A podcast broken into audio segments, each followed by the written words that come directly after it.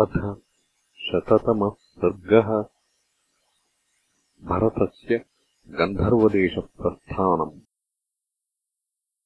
कस्यचित्वथकालस्य युधादित्येकयो नृपः स्वगुरुम् प्रेषयामास राघवाय महात्मने गार्ग्यम् अङ्गिरसः पुत्रम् ब्रह्मर्षिम् अमितप्रभम् दशचाश्वसहस्राणि प्रीतिदानम् अनुत्तमम्।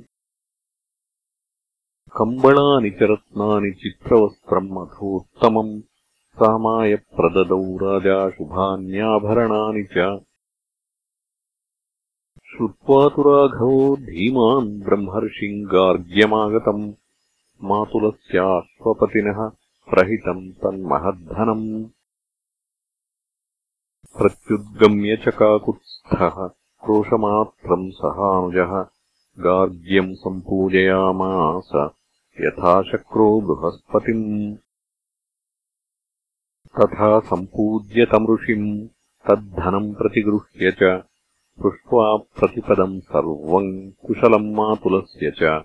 उपविष्टम् महाभागम् रामः प्रष्टुम् प्रचक्रमे किमाहमातुलो वाक्यम् यदर्थम् भगवन्निह प्राप्तो वाक्यविदाम् श्रेष्ठः साक्षादिव बृहस्पतिः। रामस्य भाषितम् श्रुत्वा महर्षिः कार्यविस्तरम् वक्तुम् अद्भुतसङ्काशम् राघवायोपचक्रमे। मातुलस्ते महाबाहो वाक्यमाह नरर्षभ युधादित्प्रीतिसंयुक्तम् श्रूयताम् यदि रोचते। अयम् गन्धर्वो विषयः फलमूलोपशोभितः। सिन्धोरुभयतः पार्श्वे देशः परमशोभनः। तम् च रक्षन्ति गन्धर्वाः सायुधा युद्धकोविदाः। शैलूषस्य सुता वीर त्रिकोट्यो वै महाबलाः तान् विनिर्जित्य काकुत्स्थ गन्धर्वनगरम् शुभम्। निवेशय महाबाहो स्वपुरे सुसमाहिते। अन्यस्य नगतिस्तत्र देशः परमशोभनः। रोचताम् ते महाबाहो नाहम् त्वाम् अहितम् वदे। तच्छ्रुत्वा राघवः प्रीतो महर्षेर्मातुलस्य च उवाच बाढमित्येव भरतम् च अन्ववैक्षत सोऽब्रवीद्राघवः प्रीतः साञ्जलिप्रग्रहो द्विजम् इमौ कुमारौ तम् देशम् ब्रह्मर्षे विचरिष्यतः। भरतस्यात्मजौ वीरौ तच्छ पुष्कल एव च मातुलेन सुगुप्तौ तु धर्मेण सुसमाहितौ भरतम् चाग्रतः कृत्वा कुमारौ सबलानुगौ।